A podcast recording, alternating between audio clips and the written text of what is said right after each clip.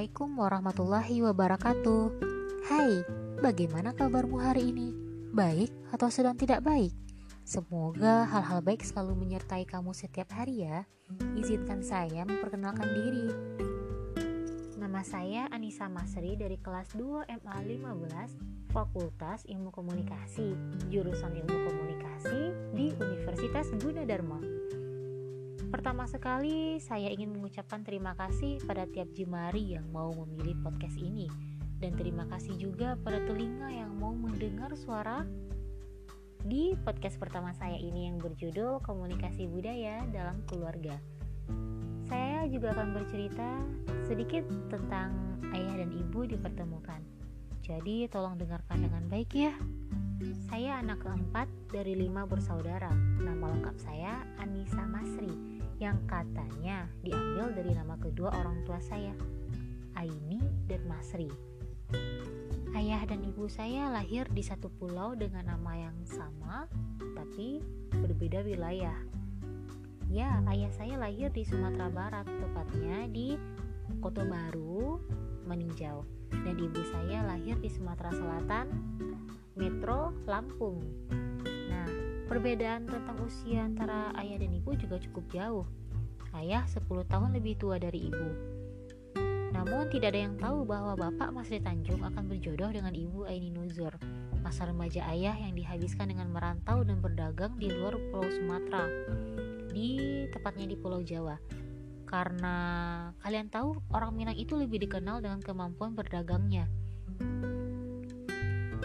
Saat itu ayah berdagang bermacam-macam pakaian hingga beragam makanan. Setelah beberapa purnama, ayah memutuskan untuk mengadu nasib di Lampung.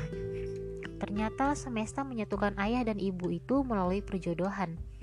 Padahal waktu itu mereka sama-sama tidak saling mengenal. Saat itu ibu juga memiliki seorang pacar yang katanya berwajah tampan dan juga ayah yang memiliki pacar cantik dan sudah lima tahun menjalin hubungan. Saat bertemu ibu, ayah langsung mematok waktu. Ya, sediakan waktu ya sediakan waktu satu minggu dan saya akan menikahinya. Nah, kamu tahu bagaimana perasaan ibu saat itu? Shock berat. Tapi bagaimanapun juga kita tidak bisa melawan takdir. Ayah dan ibu pun menikah dengan adat Minangkabau di Lampung. Ibu yang awalnya tidak terbiasa dengan masakan pedas, sekarang harus menyesuaikan lidahnya dengan selera Minang karena ayahku suka memasak. Apalagi masakannya itu wuh pedas banget. Nah, level pedasnya itu mampu membuat keringetan gitu, bisa bikin kayak keringet menggantung di pelipis ya, karena saking pedasnya. Nah, Pernikahan ayah dan ibu melalui perjodohan itu membuat saya dan empat saudara saya lainnya bisa hadir sembari memenuhi populasi manusia di muka bumi. Namun sayangnya di usia pernikahan yang ke-33 tahun, ayah tutup usia dengan membawa cinta ibu yang selalu menemani suka dukanya. Iya, ayah berpulang di tahun 2018 akhir Oktober karena penyakit paru yang dideritanya. Kehilangan sosok ayah tentu membuat ibu merasa terpukul. Ibu kehilangan sosok yang tidak pernah bersikap kasar padanya atau pada kelima anaknya. Ya, semarah-marahnya ayah, ia cuma membentak kemudian diam karena ayahku itu bukan tipe orang yang ekspresif. Biasanya setiap ada hal penting yang ingin dibicarakan, ibu akan berkomunikasi menggunakan bahasa Jawa agar anak-anaknya tidak mengerti apa yang sedang ibu bicarakan dengan ayah.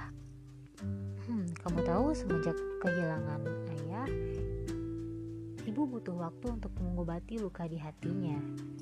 Karena obat terbaik itu adalah waktu melalui keikhlasan. Jadi, sepertinya cukup sampai di sini podcast saya tentang komunikasi antar budaya dalam keluarga. Kurang dan lebihnya saya ucapkan maaf dan terima kasih banyak untuk perhatiannya saya tutup. Assalamualaikum warahmatullahi wabarakatuh.